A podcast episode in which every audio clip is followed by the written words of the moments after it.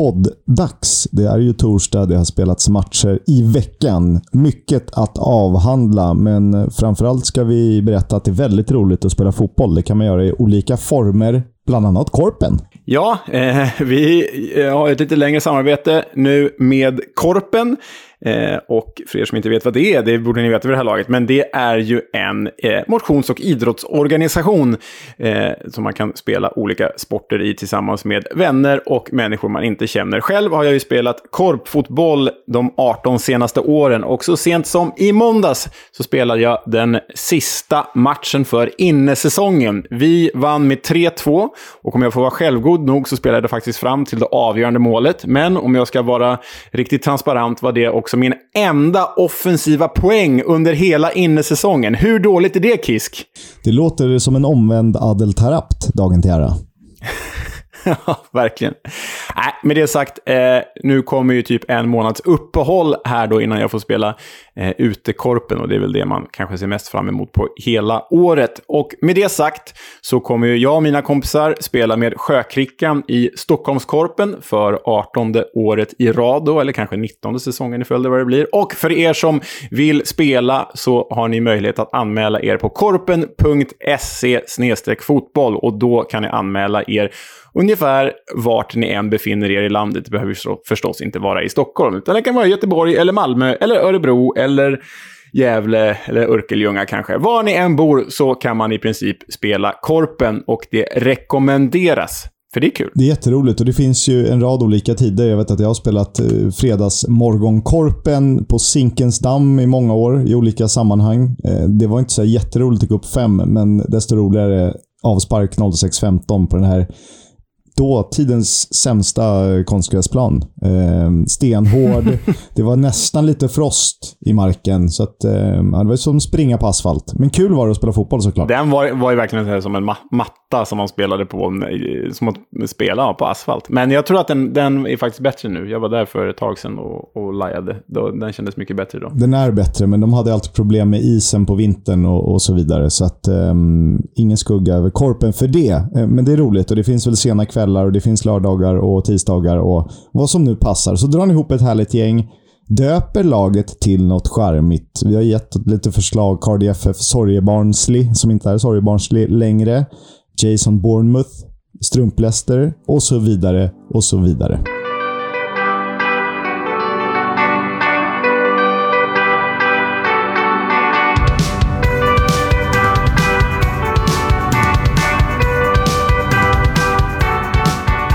Wow, vad mycket fotboll det har spelats. Jag vet inte ens hur vi ska hinna det här, men det är klart att vi ska. Och eh, Leo, eh, hur är läget? Känner du puls? Eh, det gör man ju alltid. Man känner liksom den här scenskräcken och teaternerven när vi ska sätta... Nej, det gör man inte alls. Det är bara kul. Det är bara kul att pladdra och framförallt djupdyka ner i Danny Ward-figurer och andra halvmärkliga målskyttar. Ja, och håll ut. Snart ska vi prata om Adel Tarap.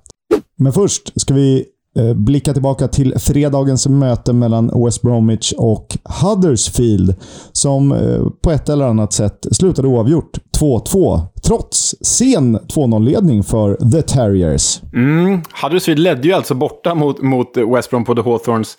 Med kvarten kvar rullar Danny Ward in sitt andra mål för matchen och därmed 2-0 till The Terriers. Och då ser det ju dött och begravet ut för West Brom. Men Steve Bruce lyckades skaka fram lite moral i sitt gäng, för Carlan Grant reducer reducerar ju 84 minuten på straff och minuten senare gjorde Andy Carroll sitt första mål för The Baggies. Så en stark upphämtning får man ju säga för West Brom, även om det då på lång sikt säkert inte räcker till något mer än så. Nej, men de ger playoff-drömmen en sista chans och, och, det får vi väl ändå ge dem. Att sen ska syndaren Steve Bruce manskap vakna i det här fallet. Och Det börjar bli ett härligt gäng med fina karaktärer som dyker upp där bakom de suveräna i, i skytteligan. Eh, och bland de suveräna får vi ändå räkna in Andy Wyman och Joel Pirou. Eh, så att Billy Sharp, Adebayo, Carlan Grant, Victor Gyökeres, Emil Ries Jakobsen, Danny Ward, Louis Grabben. Ja, ni hör ju. Vilken, eh, vilken uppställning på mellan 14 och 12 mål. Mm, ja, det, det är ju ett roligt gäng. Och sen om vi ska liksom, eh, fördjup, eller analysera Danny Wards mål lite ytterligare, alltså Huddersfields 1 och 2-0 mål, så ska det ju sägas att den engelska landslagsmålvakten Sam Johnston hade en riktigt sopig dag. Det är alltså två tavlor han står för. Och det första är väl kanske det mest dråpliga.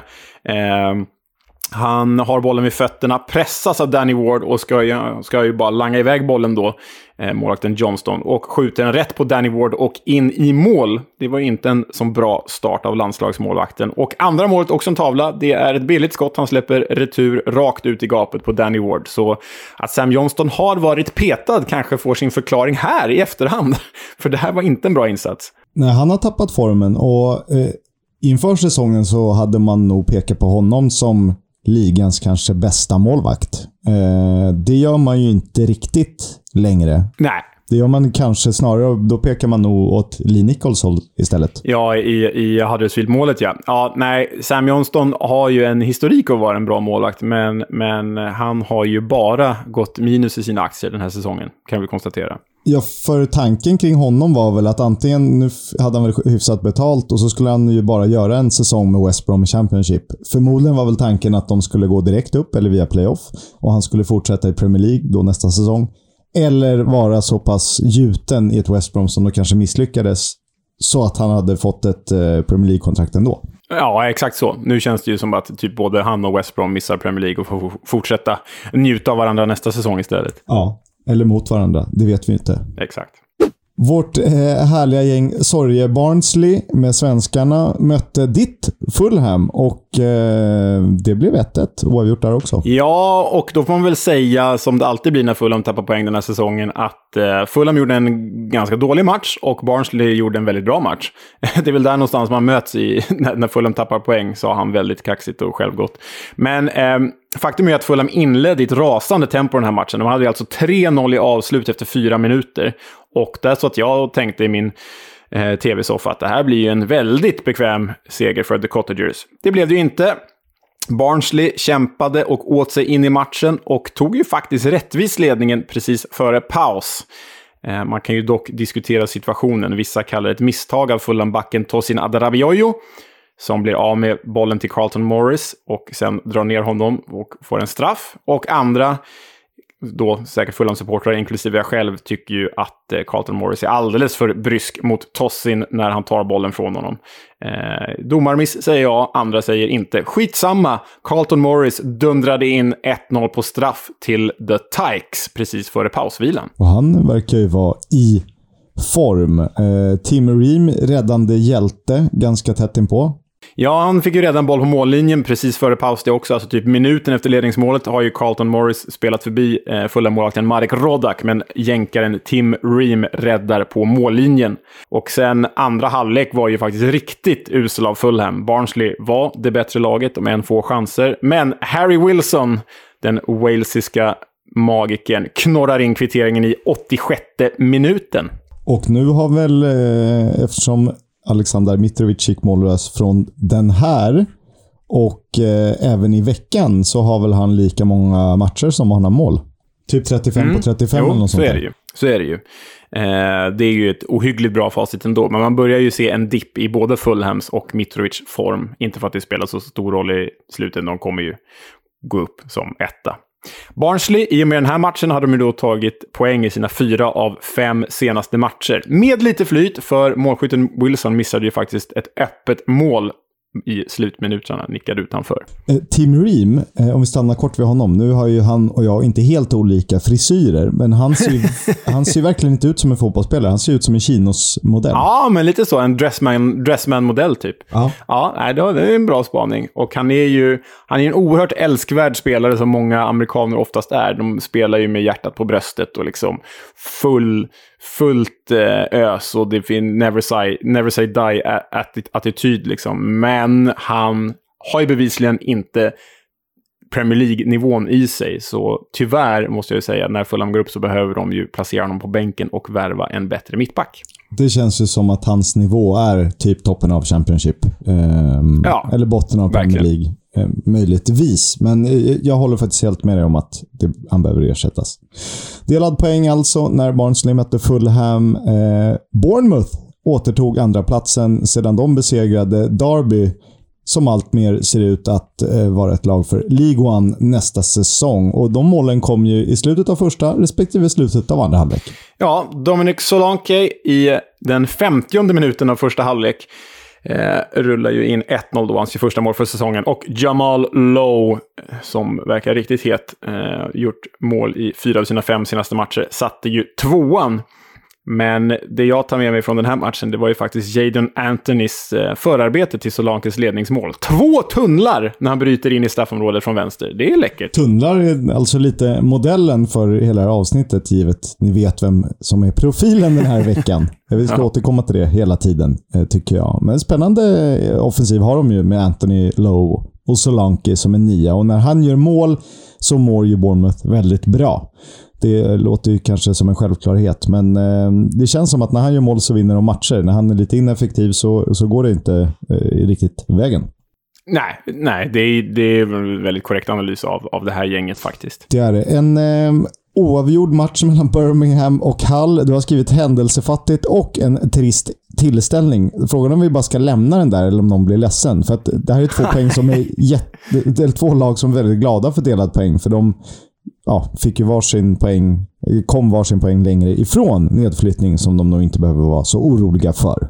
Ja, jag tycker vi kan spola förbi Birmingham Hall. Den förpassar vi till historien. Man hade velat se Birmingham Hall för ett gäng år sedan. Det hade varit en, en, en höjdare. Men 0-0 där alltså. Blackburn, Bristol City.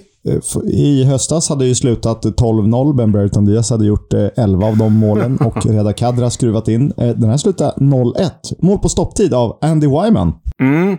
En eh, tuff jäkla käftsmäll för Blackburns uppflyttningshopp ju. Alltså på övertid hemma mot Robins, det är ju inte särskilt imponerande. Och då skulle det sägas att Blackburn faktiskt dominerade matchen i bollinnehav och avslut.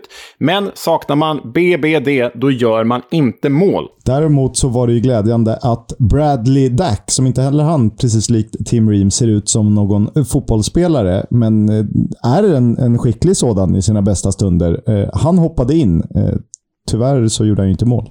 Nej, alltså Bradley Dack har ju haft enorma skadeproblem och är ju liksom den kre mest kreativa pjäsen på Blackburns mittfält. Men han har varit borta i ett år, hoppar in, får äran att lägga straff vid ställningen 0-0, bränner straffen. Det är en tråkig comeback alltså. Det, jag vet inte ens om det är särskilt schysst att ge honom den straffen. Det är lite, det, det, jag förstår att det är ju menat att vara schysst. Här, varsågod, du är tillbaka, välkommen, du får ansvaret. Men när man liksom är så så färsk i det efter att ha varit borta ett år. Jag vet inte om man är redo för, för en sån uppgift då. Uppenbarligen inte. Det är som när Southgate gav Saka en avgörande straff i en EM-final. Det är också lite så här, okej, okay, men hur gick det själv när du var ung och slog? Och jag fattar tanken om att man ska bygga upp unga, men eh, Eh, sånt är livet.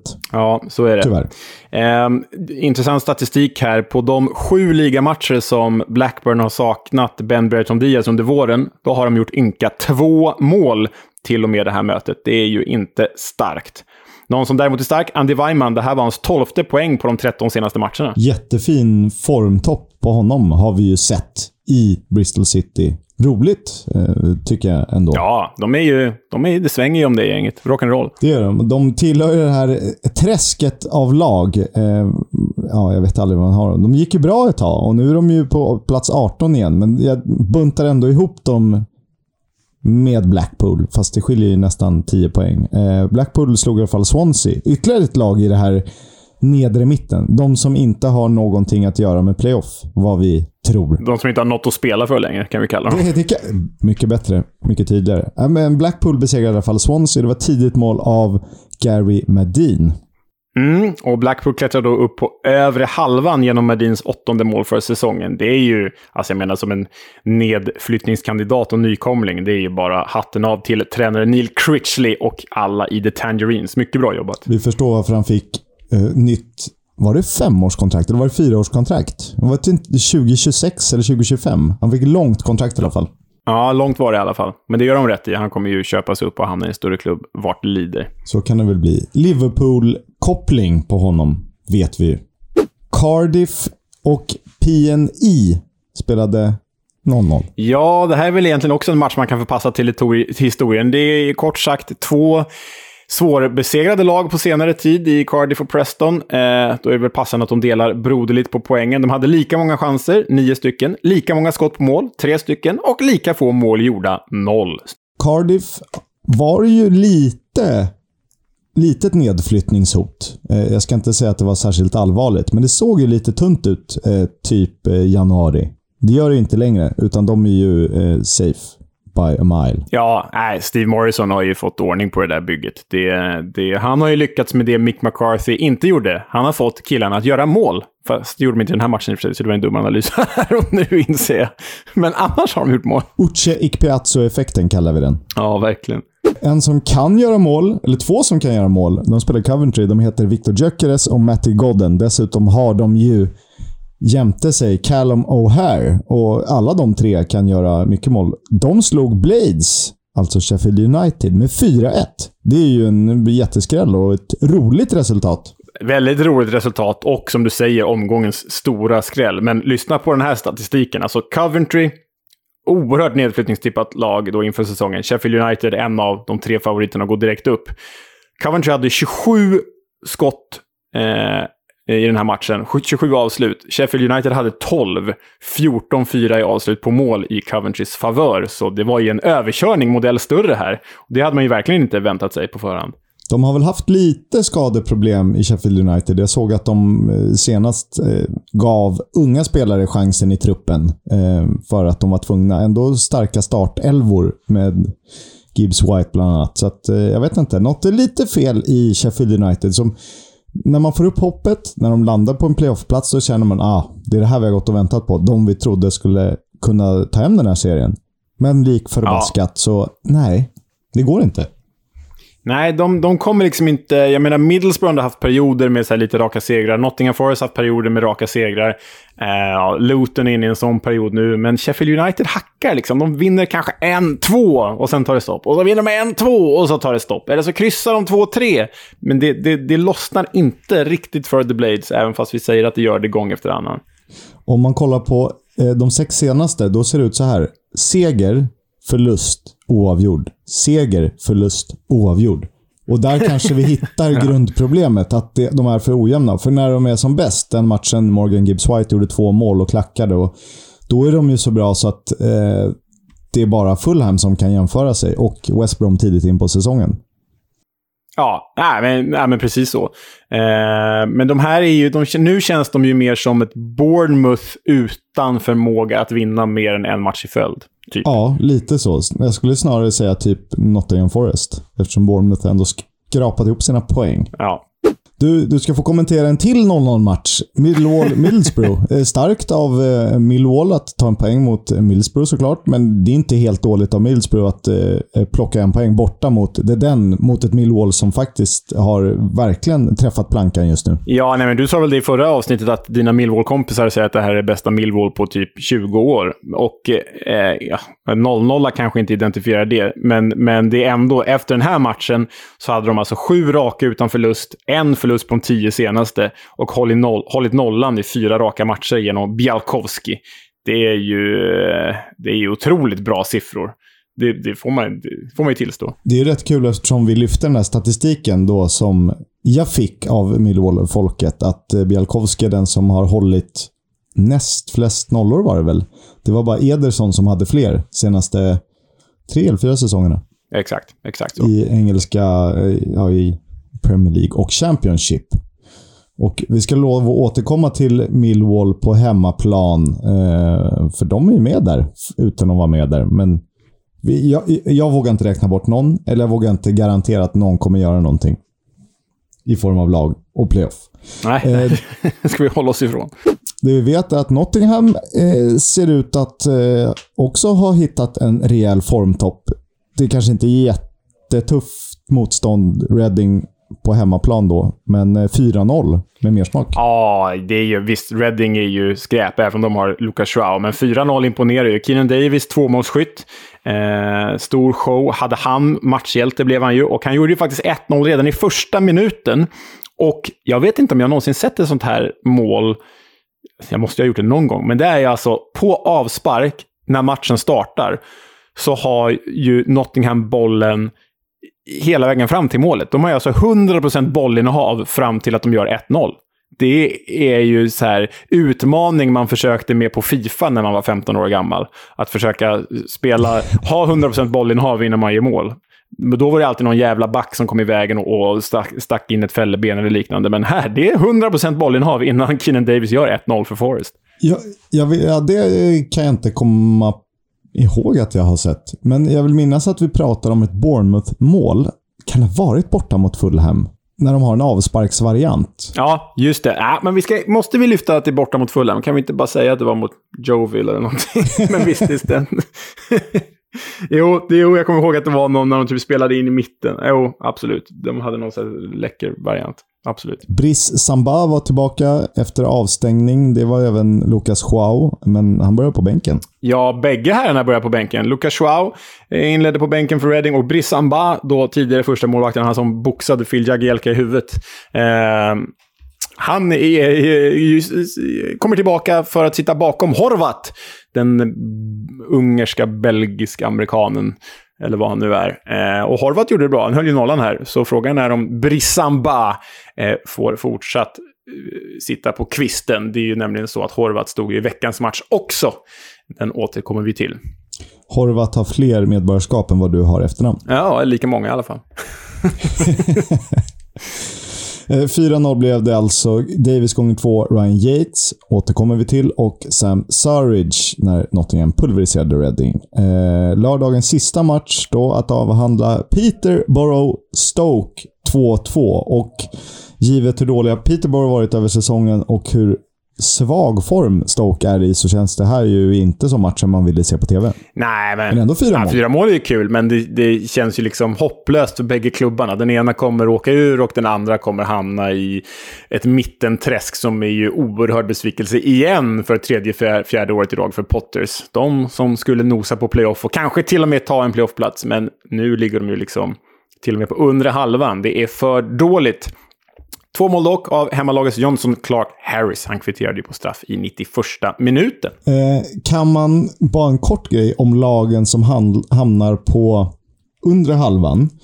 Kan det vara bättre att vara i ett läge där Stoke är, där man säger vi ger upp det här. Däremot så har vi en grund till, man börjar sätta nästa säsong redan nu. Eller vill man ha lite känsla, typ, ja men, vi säger Blackpool, stundtals PNI, framförallt kanske Millwall då, som förmodligen inte kommer nå hela vägen till playoff, men som har en god form till sommaren. Det är klart att man hellre vill ha positiv stämning, men kan, ibland kan det vara skönt också att börja om.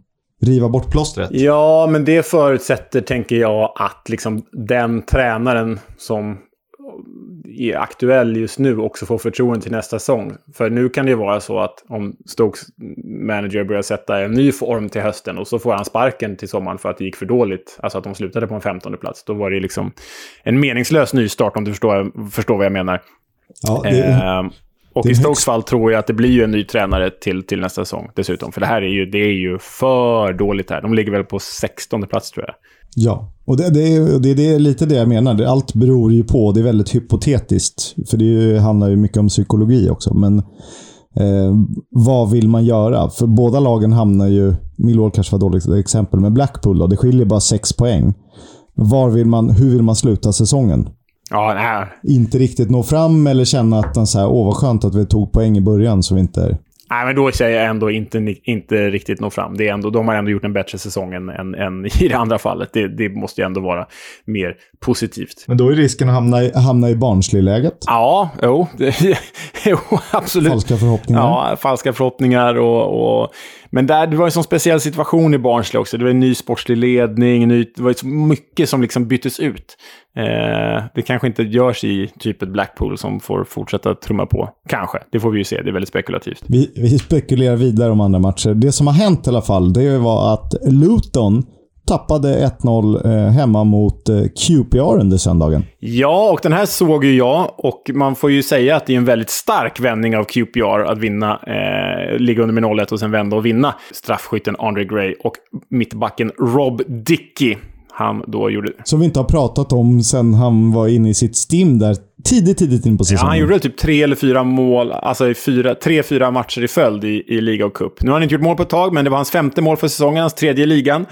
Ska dock sägas att jag såg den här som sagt och Luton var ju klart bättre. Dominanta. De liksom förde spelet, hade chanser, hade spelövertag, men gjorde inte mål.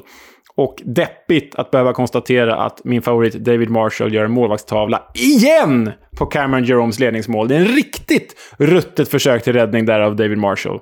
Det är ju eh, tre, fyra tavlor på de ja, fem, sex senaste matcherna. Och ibland har det inte lett till något mer än att de har rätt ut ändå. Men någon har ju varit matchavgörande. Eh, den här blev ju inte det, tack och lov. Något annat som inte heller blev matchavgörande, det var ju Elias Chair som borde fått rött kort precis före paus när han mer eller mindre tryckte händerna upp i trynet på en Luton-spelare. Fick dock bara gult, borde varit rött.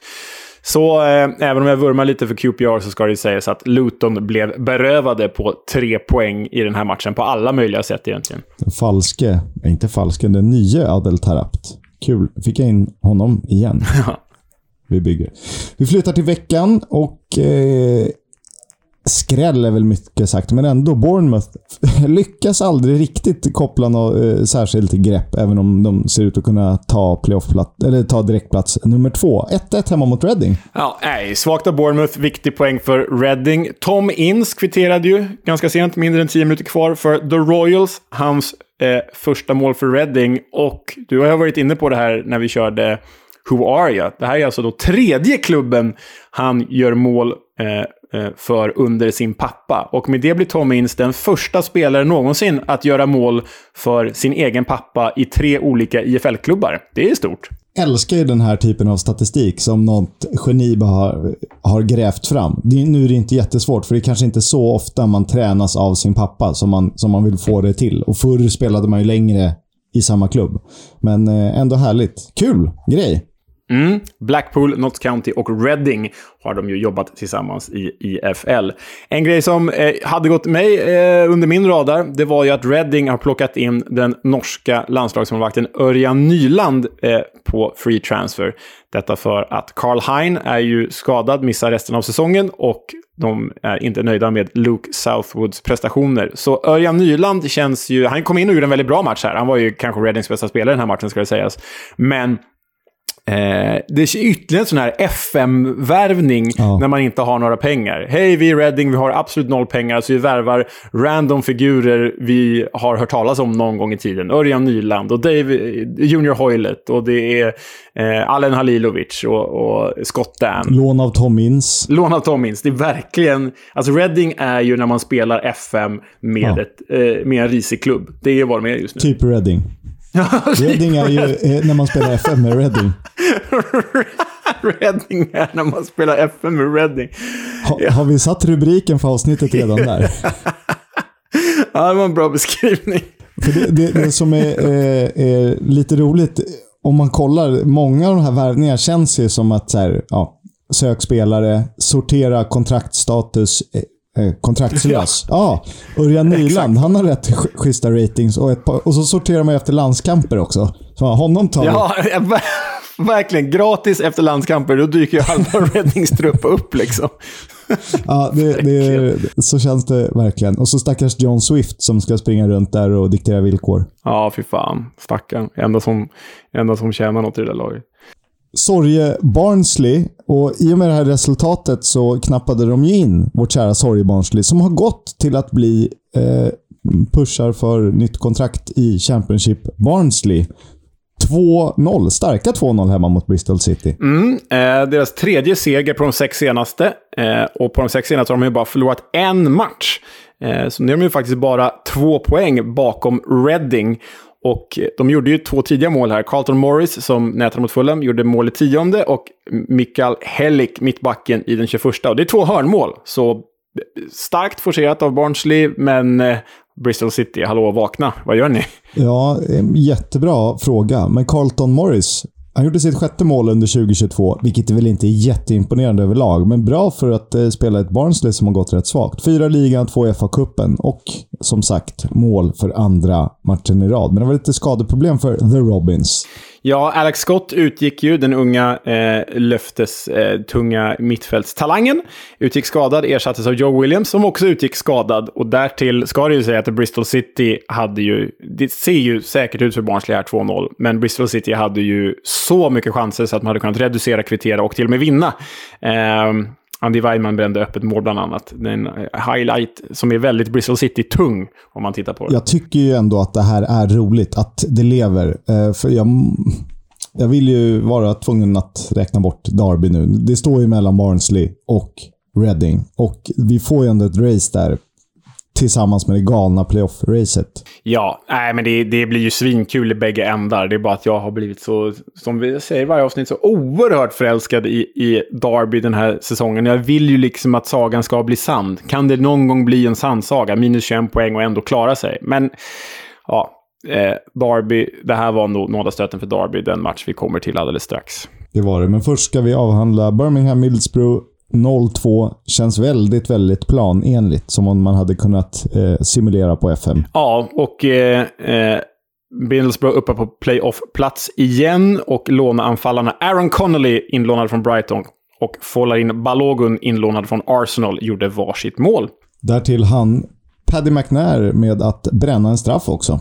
Mm eh, hade alltså kunnat bli ännu större siffror. Christian Pedersen utvisad i slutet för Birmingham. Efter fyra misslyckade försök, eller tre misslyckade försök, så vann Blackburn igen. Och tre försök kan vara mycket när man slåss om playoff. Det blev 3-1 hemma mot eh, Derby ett Derby som faktiskt tog ledningen i matchen. Mm, genom Ravel Morrison som har börjat unravla lite försvar här nu. Hans eh, tredje mål för säsongen, hans tredje mål på väl de tre senaste matcherna. Eh, Derby känns ju... Jag menar, det här är alltså ett Blackburn som är ett av de lag med sämst form i hela ligan. Ett Blackburn som saknar en halv starta-elva, ett Blackburn som saknar Ben Brereton Diaz, ett Blackburn som bara gjort två mål på de vadå, tio senaste matcherna inför den här Eh, och att då inte lyckas ta poäng här, Derby, då känns det som att ödet är beseglat. Däremot oerhört viktigt för Rovers, som vi ju väldigt gärna ser eh, behålla sin playoff-plats. Ja, det kanske vi också ska nämna. Eh, inte nödvändigtvis i det här avsnittet. Vi har ju sagt att eh, nästa vecka så är det landslagsuppehåll och det är inga veckomatcher då. Eh, så vi ska försöka, eh, inte tippa, men vi ska simulera oss fram till en rimlig sluttabell. Både i, i toppen och botten. Jag tror att tyska Bild brukar ha någon, att du kan fylla i resultat för alla matcher. Eh, och sen få fram något. Det finns säkert fler sådana. Men så kan vi också säga vilka vi skulle vilja ha upp av olika anledningar. Ja, det känns som en, en rolig pro programpunkt. Det ser jag fram emot. West Bromwich tryckte dit ditt Fulham. Eh, det känns, ju inte, eh, eh, det känns ju inte farligt att Fulham skulle riskera någonting, men ändå.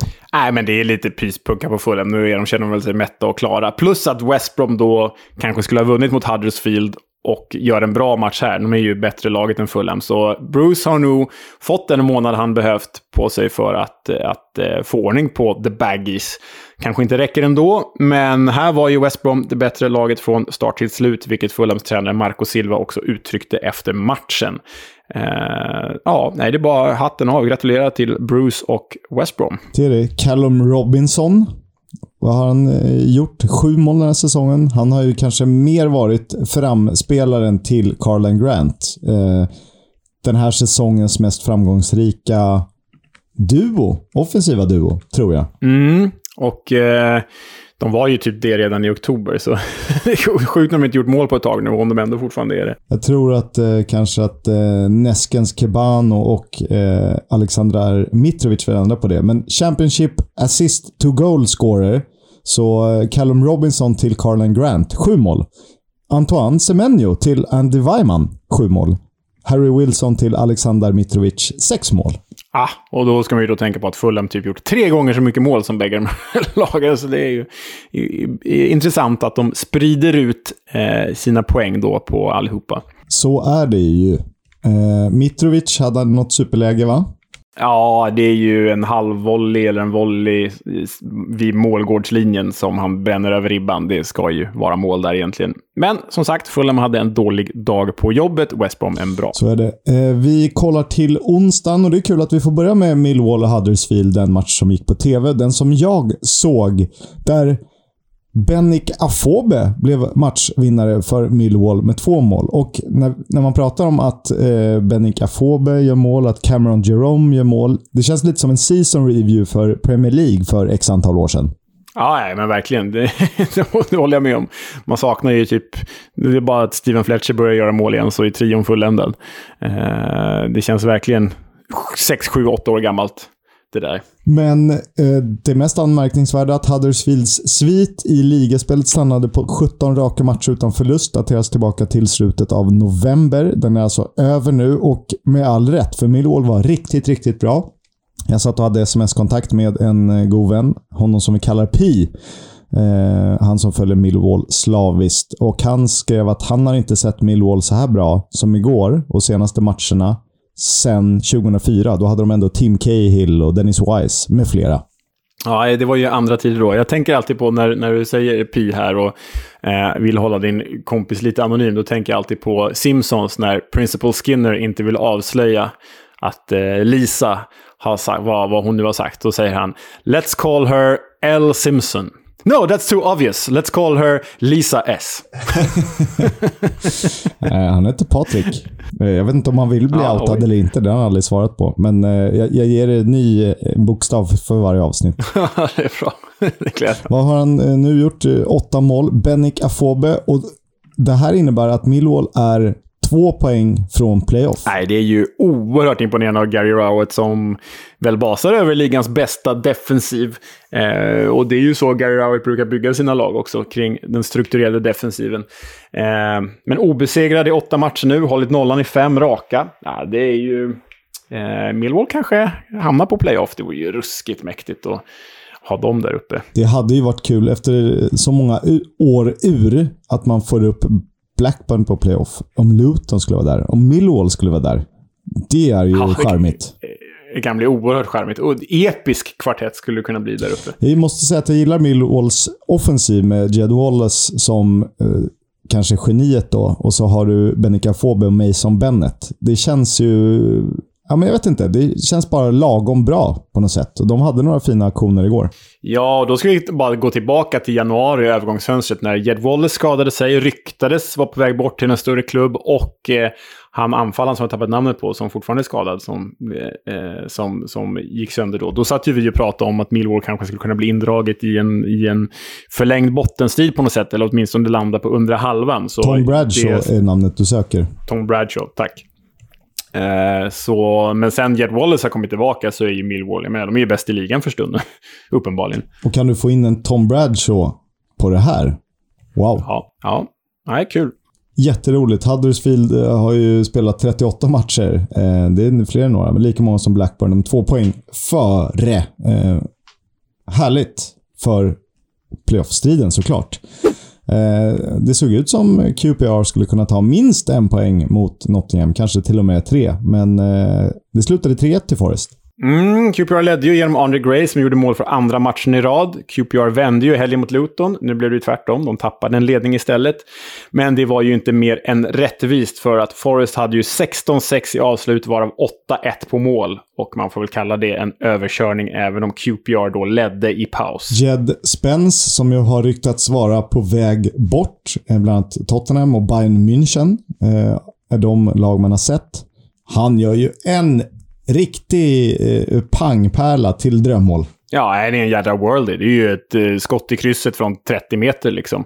Oerhört eh, stark eh, kvittering. Eh, och där vände ju matchen även om det tog lite tid in, innan Ryan Yates kunde avgöra med 2-1 och sen Brennan Johnson fylla på till 3-1. Men det är ju en härlig kraft i det här Forest-laget när de får att sitta. Så är det ju. Det är det. Ryan Yates, eh, ganska nyligen, nytt kontrakt. Han gjorde mål i fjärde raka matchen. Imponerande för en central mittfältare, det får man ju säga. Och Forest nu alltså med bara en poäng upp till QPR just på sjätte plats. Och Forest har ju en match mindre spelad. Så eh, även om det är ont att säga så känns det ju som att QPR är på väg ur den här toppsexan och Nottingham är på väg in i densamma.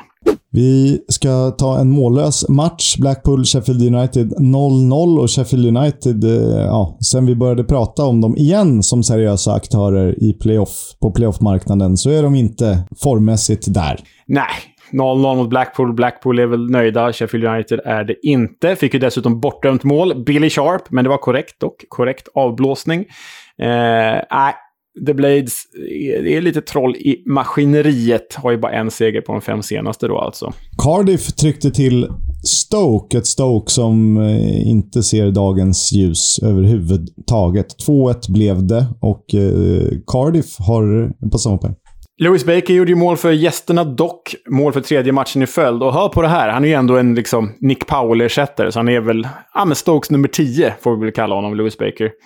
Eh, sju mål på 13 matcher för honom sen han kom till Stoke. Det är ju oerhört bra i ett ganska uselt Stoke.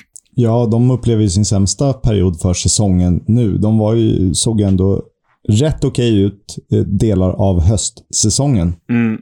Tommy Doyle och Jordan Hugill gjorde mål för Cardiff och nu ligger ju alltså Cardiff och Stoke på samma poäng och har plats 16 och 17 i tabellen. Det här trodde man ju inte i december, januari då när den ena pushade för playoff och den andra kämpade vilt för överlevnad. Om man räknar från plats 14 och neråt, alltså från PNI och neråt, så är Stoke det enda laget med positiv målskillnad. Det kanske säger någonting i sammanhanget. Ja, verkligen. Och så Hall då, som vi heller aldrig blir kloka på, mot ett Coventry som vi definitivt inte blir kloka på. De bortabesegrar alltså Coventry 2-0. Mm, Richard Smallwood och Ryan Longwood. jag har inte ens tänkt på att det var två Wood där. föll, föll mig nu. Tänkte inte på när jag skrev det, men såg det nu. Uh, Richard Smallwood och Ryan Longwood med varsitt halvdistansskott får man väl säga i den här skrällen. En tavla av Simon Moore i Coventry-målet på Smallwoods eh, uh, 1-0 eh, skott, får vi säga. Gyökeres spelade hela matchen. Det fanns chanser för båda lagen, men det var Hall som gjorde målen. I den matchen 2-0 alltså. Peterborough, Swansea 2-3. Det gillar vi på något sätt. Ja, det gillar vi. Det är kul att det händer något. Gräs, det var den här matchen vi är på väg att skjutas upp för övrigt, för gräsmattan testades hela två gånger för att den var så regntung och blöt. Men fotbollen blev av och målen lika så. Swansea torskade mot Blackpool i helgen ju och fick vinna nu istället. Stor matchhjälte, irländaren med det nigerianska namnet Mikael Obafemi. Eh, eh, gjorde ju två baljer 44 och 71 minuten. Han har ju verkligen eh, givit det här Swansea någonting. Ett Swansea som vi inte riktigt eh, vet vad vi ska gradera. Det blir spännande att summera deras säsong, för det har ju varit eh, upp och nedgångar. Och ibland är de jättebra. Ja, men också som vi har pratat om så många gånger, deras naivitet. Alltså, de måste komma till en punkt där de slutar spela sin offensiva dogmafotboll Eh, eller så måste de liksom ersätta spelarna i backlinjen som absolut inte kan hantera den. För 2-1 målet till Peterborough, Jack Marriott, den tidigare Derby-spelaren Jack Marriotts 2-1 mål, det är ju att det är två Swansea-backar i eget straffområde som försöker spela sig ur en pressad situation istället för att bara rensa iväg bollen. Men den ena passar en dålig pass till den andra och han passar den rätt i gapet på Jack Marriott. Släng iväg bollen bara, för fasiken. Ni kan ju inte spela sån fotboll. Sluta göra det då. Eh, höll ju på att kosta dem poäng i den här matchen också. Jag tänker om eh, den här typen av spel skulle kunna ha en, en ytterligare en dimension, det vill säga att du kan hitta ett långt alternativ. Att en Joel Perreault, som ändå har fysiken med sig, alltid finns ledig att slå det längre. Då blir det ju svårare för motståndaren att läsa. Då kan man ju inte alltid pressa högt heller. Eh, för att man vet att man har en uppspelspunkt och sen typ två snabba yttrar. Ja, exakt. De behöver hitta någon lösning, för det här är ju... Alltså, hade säsongen... Eh, så här, hade bottenlagen bakom dem samlat ihop lite mer poäng och inte varit så fasansfullt usla som de är, då hade Swansea kunnat bli indraget i något här. Det är ju ohyggligt naivt alltså.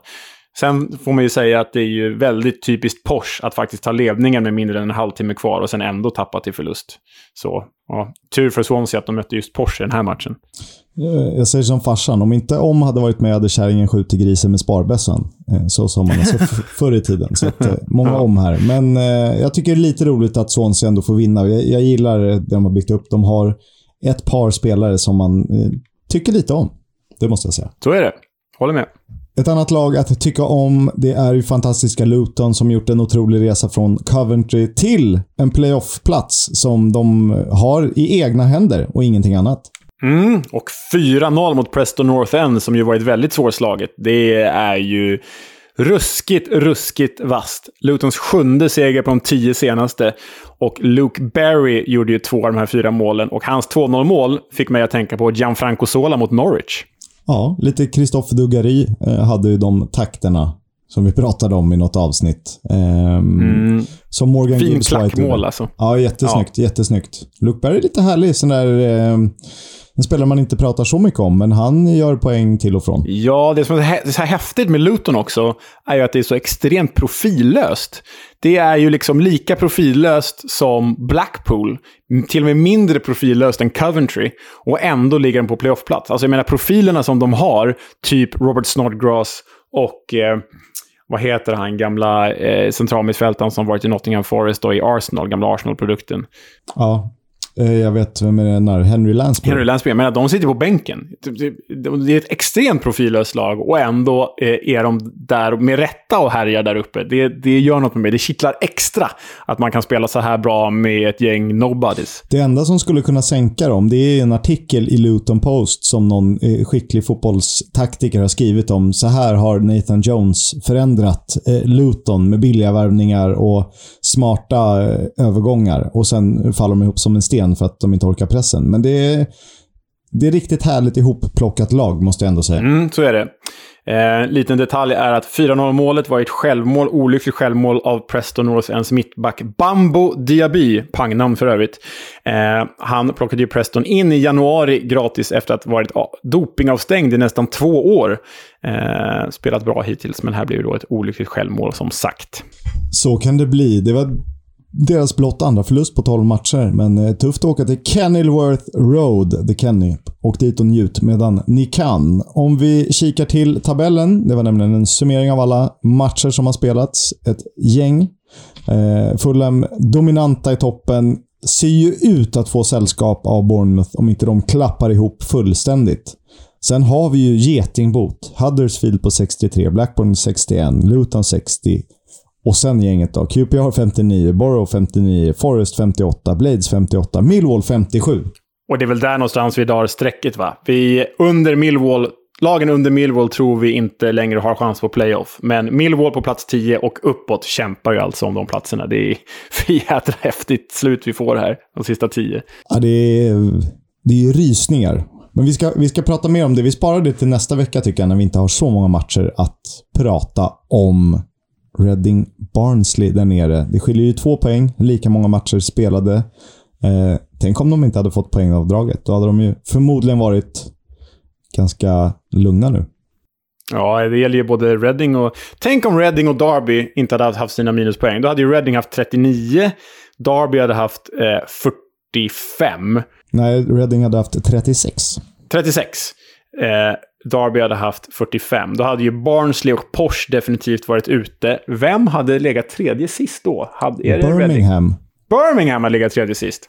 På målskillnad? Eh, nej, det hade de ju inte gjort. Det hade ju Reading gjort såklart. Reading hade legat sist ändå, på målskillnad. Eller tredje sist ändå på målskillnad ja, alltså. Men, men, Birmingham hade varit där istället. Ja, eh, så är det. Men eh, nu ska vi inte faktiskt tycka synd om Derby eller Reading. De har ju också förtjänat sina minuspoäng, ska det ju sägas. Så är det. Det är fler som förtjänar minuspoäng. Have you not been watching? I haven't!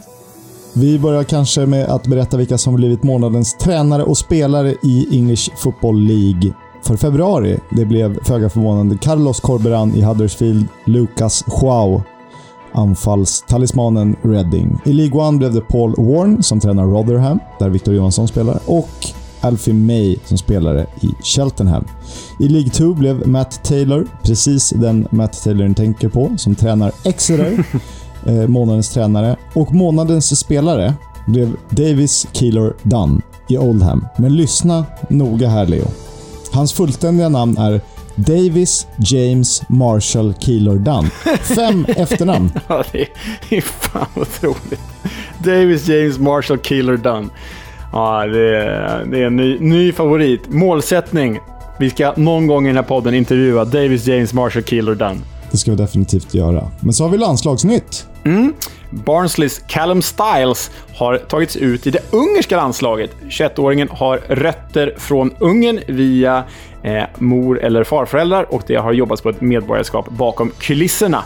Eh, här har du då skrivit lite fyndigt i körschemat om han ska kallas för Budapest Baggio eller Bury Messi. Det återstår att se. På annat landslagshåll kan vi ju berätta att Pontus Dahlberg inte är en av tre målvakter i svenska landslaget. Eh, Andreas Linde har ju tagit hans tredje målvaktsplats. Med rätta, får vi säga. Nottingham Forest lånar ut Harry Arter till lokalrivalen Notts County i National League. Och vad är det som är så speciellt med det här då, Kisk? Jo, för ett år sedan köpte Forest Harry Arter för 5 miljoner pund.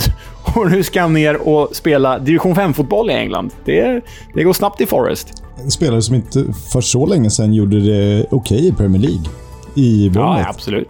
Absolut, var även i Fulham på ett lån. Det sägs att eh, Stoke sålde sin arena för 70 miljoner pund till Bet365, eh, som också äger klubben på ett eller annat sätt förra året. Eh, det här gjorde de en månad före det förbjöds av IFL på grund av Financial Fair Play. Då undrar man ju om det bara var en eh, turlig timing eller om de hade en inside man som avslöjade vad som var på gång att hända.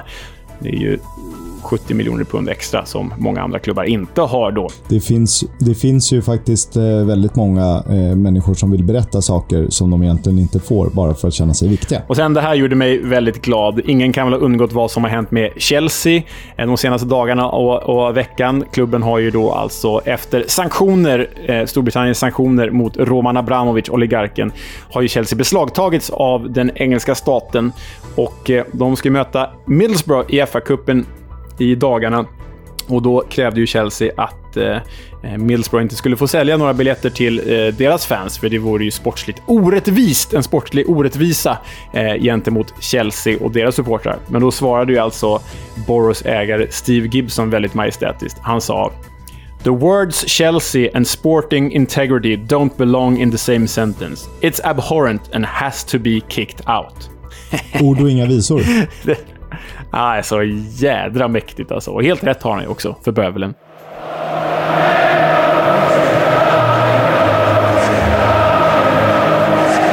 Footballs Coming Home sponsras av Stryktipset, ett spel från Svenska Spel, Sport och Casino. För dig över 18 år. Stödlinjen.se. Lördag 16.00, match 3, Huddersfield mot Bournemouth. Och eh, fram till i veckan så hade ju inte Huddersfield förlorat det ligaspelet sedan 27 november. Men de hade det tufft mot Millwall, även om de redan ser ut att eh, ha lagt beslag på en av playoffplatserna. Samtidigt är det ju Bournemouth, som ligger några poäng före Huddersfield, eh, ser det ut att kunna bli en av två klubbar som går upp i Premier League via direktplatsen. Mycket ska väl hända annars. Eh, Cherries har fem raka segrar mot Huddersfield. Senaste Terriers vann var i Premier League 2018. Men man dikterar inte villkor på Kirkleys hur som helst. Och Leo, vad har du grävt fram? Äh, men eh, jag ser nog mest fram emot stålderbyt på en, en, av de två tidiga lördagsmatcherna. Det är ju Sheffield United mot Barnsley. Två klubbar som vi vet båda behöver vinna i varsin ände av tabellen. Och eh, känns som att Barnsley och Poyas Bagge kan ha poäng i sig här alltså. Det, det är inte helt omöjligt. Eh, sen har vi ju då, som jag också vill slå ett litet slag för, med liksom samma typ av dramaturgi, botten mot toppen, där båda behöver vinna. Det är 16.00 lördag, Reading mot Blackburn. Det blir ju väldigt roligt det också. Men nu har det blivit dags för The Club, fast det inte är The Club, utan det är en spelare. Du, Oskar Kisk, ska ge oss Adel Tarabt. Paddy, Kenny, Bradley, or Hill, Sean,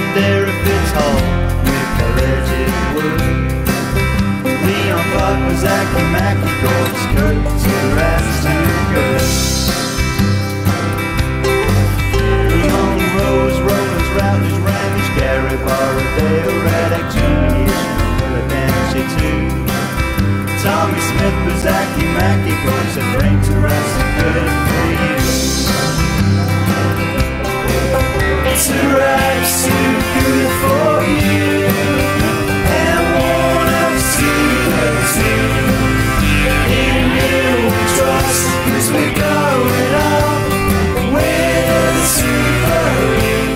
Hörde låten Tarapts Too Good For You som The Balcony Shirts Band spelade in 2011. Men vi ska backa bandet ett par år. Adel Tarapt föddes i Marocko 1989, men familjen flyttade ganska tidigt till Frankrike och till den lilla staden Ber-Letang, nära Marseille i söder. Sin riktiga fotbollsbana påbörjade han i klassiska RC Lens i reservlaget. Och det var där han fick sitt genombrott. Det blev bara ett framträdande för A-laget, men det betyder inte att det inte fanns intresse.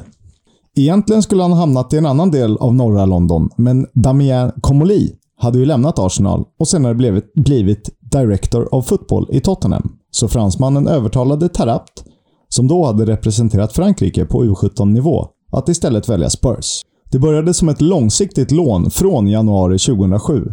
Men efter att ha fått känna på Premier League under våren gjordes övergången permanent samma sommar. Och det är faktiskt från mars 2007 mitt första minne av Adel, Adel Tarapt kommer. West Ham, med eh, bland andra Carlos Tevez i stor form, har precis gjort 3-2 genom din favorit Bobby Zamora. Uh.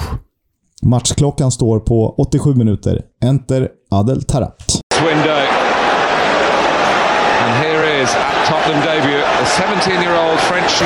Han har knappt varit på plan mer än 30 sekunder innan han driver boll och väggspelar sig fram med en annan poddfavorit, Tom Huddlestone, och fälls strax utanför straffområdet. Dimitar Berbatov förvaltar läget till 3-3 innan Paul Stalteri fixar de tre poängen på tilläggstid. Och där och då fanns känslan att det fanns något stort i grabben. Tarapt alltså. Som ju kallades Sisu Junior av sina lagkamrater. Vilka jävla profiler du räknar upp här. Paul Stalteri dyker upp som en flygande kanadick. Ja, det är fantastiskt. Nej, men superfavorit. Och det här är nog... Om jag får välja en match med Tottenham i egenskap av supporter så är det nog den finaste matchen. Jag kommer ihåg. Vända till 4-3 borta mot West Ham. Ja, det var... Och det var ju, man gjorde det med den här typen av karaktärer också. Det var inte bara stjärnor. Problemet var ju inte bara att Adel Tarapt var en speciell karaktär. För på den här tiden var knappast Tottenham Hotspur rätt omgivning för en ung spelare med rötterna på annat håll. Dessutom hade han tre tränare under sina tre år i Spurs. Värvad, värvad till Martin Jolls manskap. Därefter portad från, från träningsanläggningen och fråntagen sitt nummer av Juan de Ramos. Okay. Innan Harry Redknapp gav honom platsen i truppen tillbaka. Men det blev bara tre minuter i Premier League-säsongen 2008-2009. Ett kort derbyinhopp. Tarapt lånades ut till QPR i mars och även om det blev ett mål för Hoops så avslutades den första sessionen i förtid sedan han skadat knät. Tillbaka i Tottenham för operation, men återkomsten lät inte dröja på sig. Samma sommar, alltså 2009, skrev Tarapt på för ett säsongslångt lån på Loftus Road. Han gör mål mot Skantorp i augusti och en dryg månad senare visar han varför han var så speciell i Queens Park Rangers. Tarap now with a bit of space to run into. Beats Sedgwick. And that's fantastic! Nedtagningen, sättet han behåller lugnet och rör sig framåt på, trots motståndare i ryggen. En tunnel innan han behärskat smeker in bollen strax under krysset. Samma månad bekräftade Tottenham att det fanns en klausul i låneaffären där Tarapt hade kunnat lämna både Spurs och QPR vid intresse från en Premier League-klubb. Men varken Ars eller någon annan aktör ville lägga de 4,5 miljoner punden som han värderades till. Det blev totalt sju mål och jag tror sju assist, för det finns faktiskt ingen riktigt bra källa på hur många målgivande passningar han slog. För Tarapt sin första hela säsong i QPR. Men det kanske mest uppseendeväckande var en intervju i mars där han, alltjämt tillhörandes Tottenham, säger det stora misstaget var att skriva på för Tottenham och inte gå till någon annan klubb när jag flyttade till England. Starka papper. Fan. Ja, smart. Både Armand Traoré och Abu Diaby hade propsat för Arsenal, men Comey övertalade marockanen. I samma veva sa han också att han drömde om att spela i någon av de fyra stora i Spanien, där och då var det ju Real, Barca, Valencia eller Sevilla. Han sa “Jag har kontakter i bra klubbar och vet att de vill ha mig. Nu hoppas jag bara att man kan komma överens med Tottenham.” Sommaren 2010 kom så flytten. Men inte till Spanien eller till någon annan toppklubb. Tarapt sades kosta en miljon pund för QPR att lösa permanent, där Tottenham skrev in en 40-procentig vidareförsäljningsklausul. Och om man tittar bakåt och framåt, för en enskild säsong kanske en av de mest prisvärda värvningarna i Championship någonsin. Ja, med tanke på vad som händer där känns det gud ja. Verkligen. Och det här är ju själva berättelsens epicentrum och också navet för podden. Neil Warnock hade tagit över som manager i QPR i mars 2010. Och han identifierade Adel Tarapt som sin juvel och insåg vad som krävdes för att få ut mest av trollkaren i synnerhet och laget i allmänhet. Best promotions as well, which I never mentioned, was 2011 at QPR. And I had a lad called Adel Tarab, who, like you, liked to stand around a lot. And, and, and I'd never had anybody like it. I decided to build to build a team around this lad, and I used to get everybody involved. I remember all the old campaigners like Sean Derry, Clint Hill, and one or two of the others, uh. I used to say, "Look, I know, I know you're captains, but I'm going to make him captain because I might get under ten percent out of him." And what we did at QPR is we banned him from coming in our half. And I said, Adele, if you come in our half, I'm going to fine you 50 quid. And if anybody passes to him in our half, I'm going to fine you 50 quid. Because he used to come in our half, get it off the centre halves, nutmeg somebody, lose it, and concede a goal. So once we got those perimeters and we couldn't pass to him in our half, we flew. It was a great season. But like you say, he made his own space and some of the goals and, and and the, the, the setups he made in that season. I, I, mm. You know, I'm one of the best players I've ever played with skill-wise. Med kaptensbinden på armen och större kreativ frihet på motståndarnas planhalva exploderar Adel Tarapt under Warnock i QPR. Han gör mål från straffpunkten, han sätter bollar med vänstern, han fintar upp motståndare på läktaren och han gör några helt fantastiska drömmål. Det är verkligen drömmål. Det är klackar och tunnlar innan fullträffar mot Swansea. Det är lobbar från 11 meter. Det är otroliga bollbanor mot Coventry och PNI. Och det är framförallt två mål borta mot Cardiff och ett borta mot Watford i april. Totalt gör Adel Tarap 19 mål i Championship säsongen 2010-11. Därtill noteras han för 19 målgivande passningar och blir föga förvånande Player of the Season i hela ligan.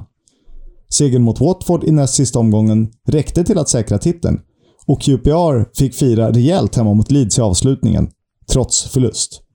Men det var inte helt klart eftersom ett möjligt poängavdrag hängde över Hoops. Detta eftersom man värvade Alejandro Faurlin 2009 som bossman, samtidigt som en tredje part var involverad. Lite likt som det var med Carlos Tevez. Så även om man poäng, på poäng var klara innan avslutningen kom beskedet först samma dag som säsongsavslutningen. Since the early weeks. Tarap, the club captain, has the Moroccan flag draped on his shoulders. As well as Keith Curl. Mick Jones will receive his medal and Nigel Cox, the physio. Here comes Keith Curl and behind him the Championship Player of the Year. Och på ett sätt kan ju sagan ta sitt slut här. Han erövrade Championship i en av de bästa enskilda säsonger vi fått se i den här ligan. Det pratas om både PSG och Napoli på sommaren. Särskilt med tanke på att Joey Barton anländer lagom till Premier League-återkomsten och därmed snor binden av Tarapt. Otro, otrolig jävla kaptensduo. Vem, vem fan vill ha någon av dem som kapten så här, så här i efterhand? Man vill knappt ha dem i laget. Eh, man vill eh, än mindre ha dem som motståndare. Ja, herregud alltså. Vilken duo. Spekulationerna om, om flytt och andra rykten fick Tarapt i viss obalans och den högre nivån i Premier League märktes tydligt. QPR klarade sig kvar med nöd och näppe, en poängs marginal. Och kanske var det tack vare Adel Tarapt. Kanske inte. Formen sviktade, han var skadad med jämna mellanrum och relativt ofta petade ut truppen. Neil Warnock menar att han gärna hade sålt honom till PSG och klandrade spelarens agent för att ha fått honom på fel tankar. Det blev bara, inom citationstecken, två mål och två assist för Tarap den säsongen. Och en sanslöst bra historia från mötet mellan Fulham och QPR i oktober 2011. Fulham leder med 3-0 i paus. Tarap blir utbytt. Men istället för att sätta sig på bänken byter han om och tar sig till första bästa pub med sitt sällskap. Och det finns ju bilder på att eh, folk som sitter med honom och... det var helt okej okay att gå fram till honom, men när fler och fler frågade fattade ju kanske hans kompisar, kumpaner, att eh, ingen jättebra idé. Men de pratar resultat och sen gör Fulham 4-0. Han får reda på det och han himlar bara med ögonen. De två målen då? De kommer ju faktiskt i ett väldigt viktigt skede på vårsäsongen i segrar som kan ha räddat klubben kvar i Premier League. Mot Arsenal och mot, såklart mot Tottenham. It is Taraz! To give Queen's Park Rangers the lead. The former Spurs player scores his second goal in the Premier League. Lift off at Loftus Road. Han lyckas ju såklart också bli utvisad i samma match, även om det inte påverkar resultatet. Eh, dock hans första utvisning i engelsk fotboll. eh, det ska sägas att eh, tidigare samma säsong hade Neil Warnock ersatts av Mark Hughes, vilket ju också kan ha påverkat positivt. Det är inte samma intensiva ryktesspridning sommaren 2012, utan Adel Tarabt skriver ett nytt treårskontrakt med QPR och det kanske gav den lugn och ro som behövdes. Åtminstone inledningsvis, för egen del. Tarap gör två mål i oktober mot West Ham respektive West Brom, men för Queens Park Rangers dröjer framgångarna. Fyra oavgjorda och nio förluster inledningsvis. Därefter är Hughes förtroende förbrukat. Välkommen Harry Redknapp, som såg fram emot att återförenas med Adel Tarap, en spelare han egentligen aldrig ville släppa från Tottenham. Well, Adele's got a future. He's an amazing talent, you know. An amazing talent with the ball. he's got a, he can still, you know, he, he can can still do more without the ball. I think, you know, but he's, he's a top player in possession of the ball and he's, he's a player that's a match winner. So we've got to get the best out of Adele. We've got to keep him, you know, he, he, can, he can turn things for us. He's the player that can do something special. So I'm looking to get the best out of him. I, I didn't really want to let him go when I was at Tottenham. I had a good relationship with Adele. I didn't have a problem with him. You know, he, at times he, he, all these problems really were self-inflicted, you know. I, but in the end, I let him go because I think the chairman felt that he wasn't going to play. And if he wasn't going to play, we might as well let him go and uh, and get a sell on for him. And that's what we did. So, um, but as he always, he was a player that I was always afraid to release because with that ability, you knew that he would come back and haunt you one day. Formen vänder till det bättre under Redknapp och första segern kommer efter tre raka kryss. Givetvis med Tarap i huvudrollen. QPR Fulham i december. Adel Tarap gör 1-0 via Hangeland, men det är 2-0 målet man minns. Here's Tarap, the goalscorer. Past Hangeland, brilliantly played by Tarap. Is he going to go alone? Oh, it's a fantastic goal! Two for Tarap, two for QPR, and they're closing in on their first league win of the season. What a finish that was! Han har bollen på mittplan, trocklar sig förbi samma Hangeland, avancerar framåt, smeker in bollen med yttersidan, lågt i bortre. Så behärskat. Ett eh, mål som Redknapp senare beskriver som “one of the all time great performances”. Han inkluderar ju hela hans match i det. Formen behåller han över det nya året och i den ovana rollen som ensam anfallare noteras han för framspelningen till matchens enda mål och är bäst på plan när QPR besegrar Chelsea. Han jämförs till och med med Pelé. av sig själv då, eller? Nej, av andra. Och där och då är det ju så, även om det är med glimten i ögat. Det är bara en spelare som Harry Redknapp kan tänka sig att byta Adel Tarabt mot. Barcelona want him, do they? I don't know. Maybe I'll have a swap with Messi. You know, maybe we'll have a straight swap or something. We'll do a deal. Ja, eh, Tarabt mot Messi. Hade du kunnat se det? Ja, fan. En artist mot en artist, varför inte? Det, det, det funk Båda hade väl funkat i respektive klubb, tänker jag. Jag tror att han hade funkat jättebra i det här nya röriga Barcelona. Det dröjer till april innan nästa fullträff och då är det tyvärr för sent. QPR åker ur Premier League med 14 poäng till säker mark. Adel Tarap meddelar att han önskar spela på en högre nivå och lånas ut till Fulham, där han får Martin Joll som tränare. Igen. Han får dock svårt att hitta rätt på Craven Cottage och redan i januari 2014 avslutas lånet när Tarap flyttar till ett Milan under renovering. Måste bara, förlåt, bara en passus här. Alltså Tarapt, man har ju alltid hatälskat honom, men i Fulham var han ju genombedrövlig. Alltså genombedrövlig. Det var inte samma eh, Tarap som skojade med Hangeland, utan det var ju liksom ja, det var en skugga av sitt forna jag, kan vi säga. Man ska ju inte skoja om eh, människors vikt, men han hade ju eh, rätt stora problem med att hålla sig till just matchvikten och att hålla sig i form under en längre period. Och Det är väl en av orsakerna till att han aldrig kunde få det att flyta på en högre nivå. Men tillsammans med bland andra Adil Rami, Keisuke Honda och Michael Essien ansluter han strax innan fönstret stänger. Och ett Milan som jag där och då jag vill minnas att jag kallades för fotbollens New York Rangers. Mer fokus på stora namn än formstarka spelare. Abiati, Mexes, Emanuelsson, de Jong, Kaká när han var tillbaka, Balotelli, Montari, Gianpaolo Pazzini och så vidare. Fan vilket risgäng alltså. Riktigt risigt gäng. Ja. Ja, ja, men det är som att du, det är bara höga löner och bossmanspelare. ja det är ju, det är ju FM, som är på väg FM i Reading i stor kostym är det. Ja, ett FM med Milan 2014. Ja. Det blir ändå fyra fullträffar i Serie A och såklart ett gäng dragningar, tunnlar och klackar. En skön highlights reel eh, som finns. Mycket att kolla upp.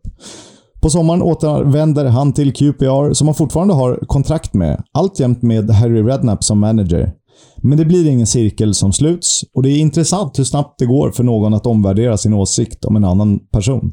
Ni kommer ihåg hur Tarapt hyllades när Redknapp skrev på för QPR. Så här lät det när Tarapt förberedde sig för Premier League-säsongen 2014-15. No, he's not fit. He's not fit to play football, unfortunately. Um, he played in a reserve game the other day, and I could have run about more than he did. So, uh, no, I can't pick him. I'll pick people that want to try and deserve to be at a good football club like QPR and want to work and come in every day and want to work and train and show a good attitude. And that's what I got today from the players. When he starts doing that, whether he ever can do it, maybe he'll get a game. No, it's the same old people. Same old people. You've we got two or three of them, but 99. But the other lads, I've, got a fantastic group of lads here. Absolutely superb. All of them. I just got asked. I just got an asked, asked an answer. I can't keep protecting people who don't want to run about and train and about three stone overweight. What am I supposed to keep saying? Keep keep getting your 60, 70 grand a week and don't train. What you know? What's the, what's the game coming to? No, there's no. The others all good as gold. Hadel Tarapt själv menade på att det var en ursäkt för att Rednaps QPR inte vann matcher och sa att han själv inte ville vara en bollvinnare, vilket Harry kanske krävde.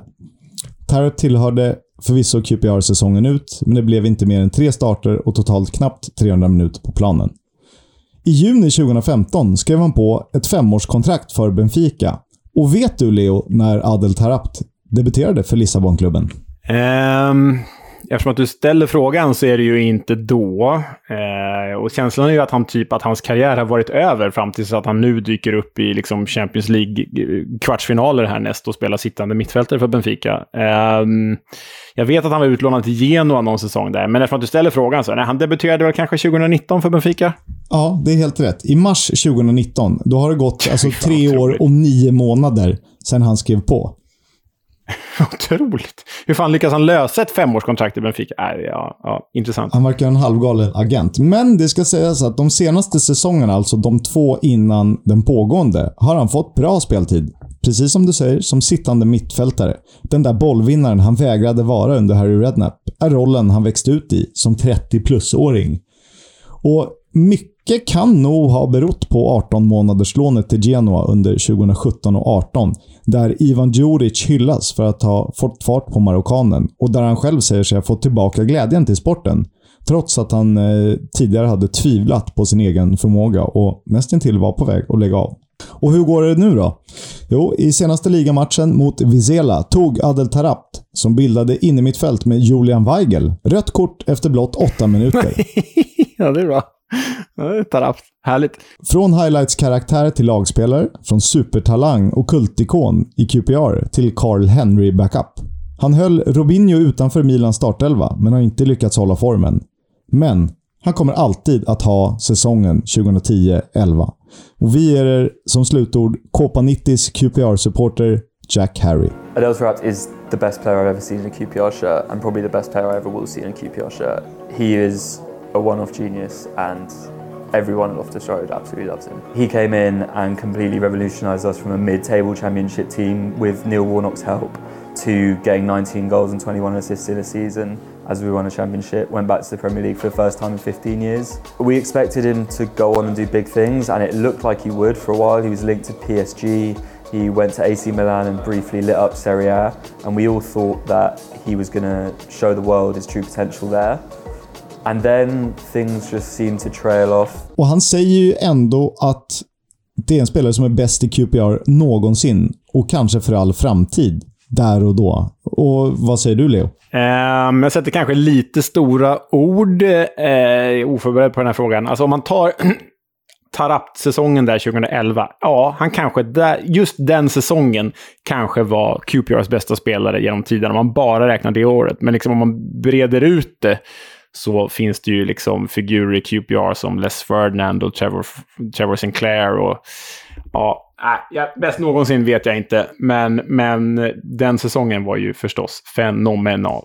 Och det säger rätt mycket om hur bra han var där och då. Det går inte att sticka under stol med att vad han hade för talang. Sen hade han inte huvudet på rätt ställe. Vi har sett, jag vet inte, vi pratade lite i ett annat sammanhang, Hatem Benarfa. Det, vad beror det på? För att fotbollen finns ju där. Och fötterna kan ingen ta ifrån dem. Då måste det bara sitta i huvudet eller ja, i vissa fall runt magen på Tarab som kunde komma lite halvmätt. Men han, han var inte i superform 2010-11. Ändå dominerade han ju. Ja, nej, men det är, ju, det är ju verkligen samma symptom som Hatten Benarfa. Alltså potential för att vara, på riktigt, är en överdrift. Potential för att vara en Ronaldinho. Och på den nivån liksom. Kanske inte liksom, men ändå den klubbnivån. Kunna spela i Barcelona eller i ett bra Milan eller i ett Bayern München eller Champions League Arsenal eller liknande. Men det är ju någonting som inte riktigt fungerar om det är liksom... Jag menar, vi pratar ju om spelare som likt Benarfa som protesterar genom att hämta köpepizza till alla i truppen och bjuda dem på det framför ögonen på tränaren fast han är förbannad. Liksom. Alltså, det är just den typen av upptåg som ställer till det för dem. Hade de bara varit skärpta så hade vi hade pratat om Tarapt och Benarfa som två av 2000-talets absolut bästa spelare. Och det är jag övertygad om. Och då hade vi inte stått och pratat om dem i den här podden. Då hade vi fått göra en annan podd. Ja, ja lite, lite så. Men det var Adel Tarapt och jag tänker att redan nu ska du få uppgift till nästa vecka. Eh, det är ju fantastiskt roligt att prata om spelare, eh, särskilt den här typen av karaktärer.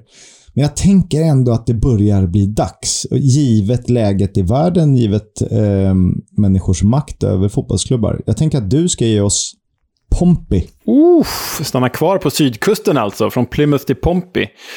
Um, mm, jag förstår hur du tänker. Det blir ju då lite alltså ett tidigt utländskt ägande, det blir vapenhandel och så blir det ju stökiga profiler likt eh, Benjani Umwaruwari och Niko Kranjkar och sådär. Ja, men det kan bli kul. Kranjkar vill jag ha minst fem minuter om, bara för att han var så vansinnigt snygg när han rör på sig. Mm, och Kevin Prince Boateng får vi inte glömma heller. Ja, det där blir, det blir roligt. Från vapenhandel till KPB. We'll have a chat about the fucking game. About your game, last few months, last few weeks. Fucking character. Han är ju eh, inte så aktiv nu, eller det är han väl. Han tycker ju till, men det hade kunnat bli så att Neil Warnock var den som värvade Drogba, Didier Drogba, till Sheffield United för 100 000 pund. Neil, have you ever missed out on a signing that's come back to haunt you?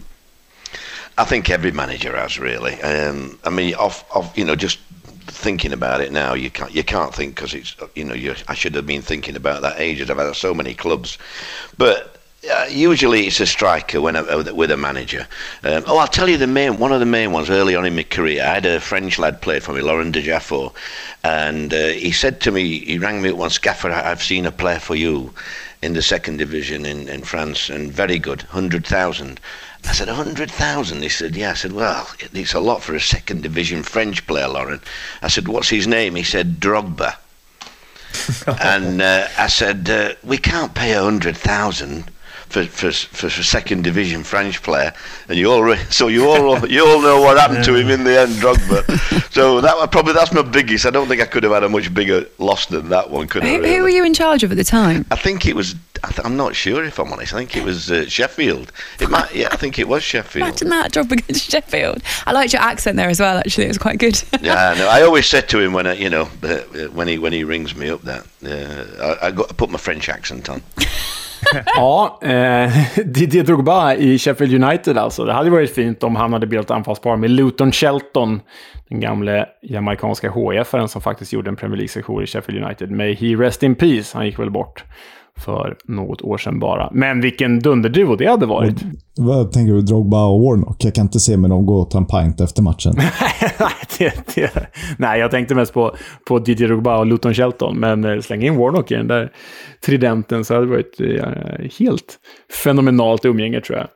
Det var allt för idag. Tack eh, Stryktipset och Korpen som är med och stöttar vårt snack om Championship med omnejd. Underbart att få hålla på med det här. Tack Leo för att eh, du alltid är lika skicklig i dina analyser. Ja, det är lika godtycklig i alla fall. Men, men eh, tack själv Kisk. Det var en ära att få uppleva Adel Tarapts historia. Vi eh, hörs nästa vecka. Ciao! Upptäckta vägar, de han tar.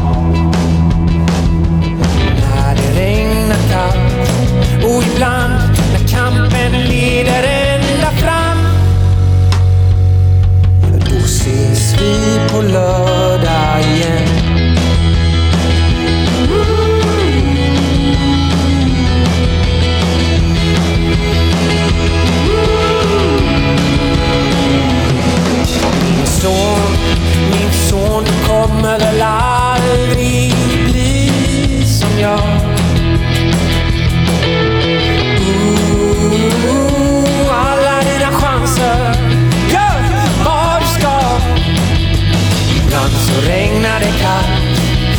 Need a kampen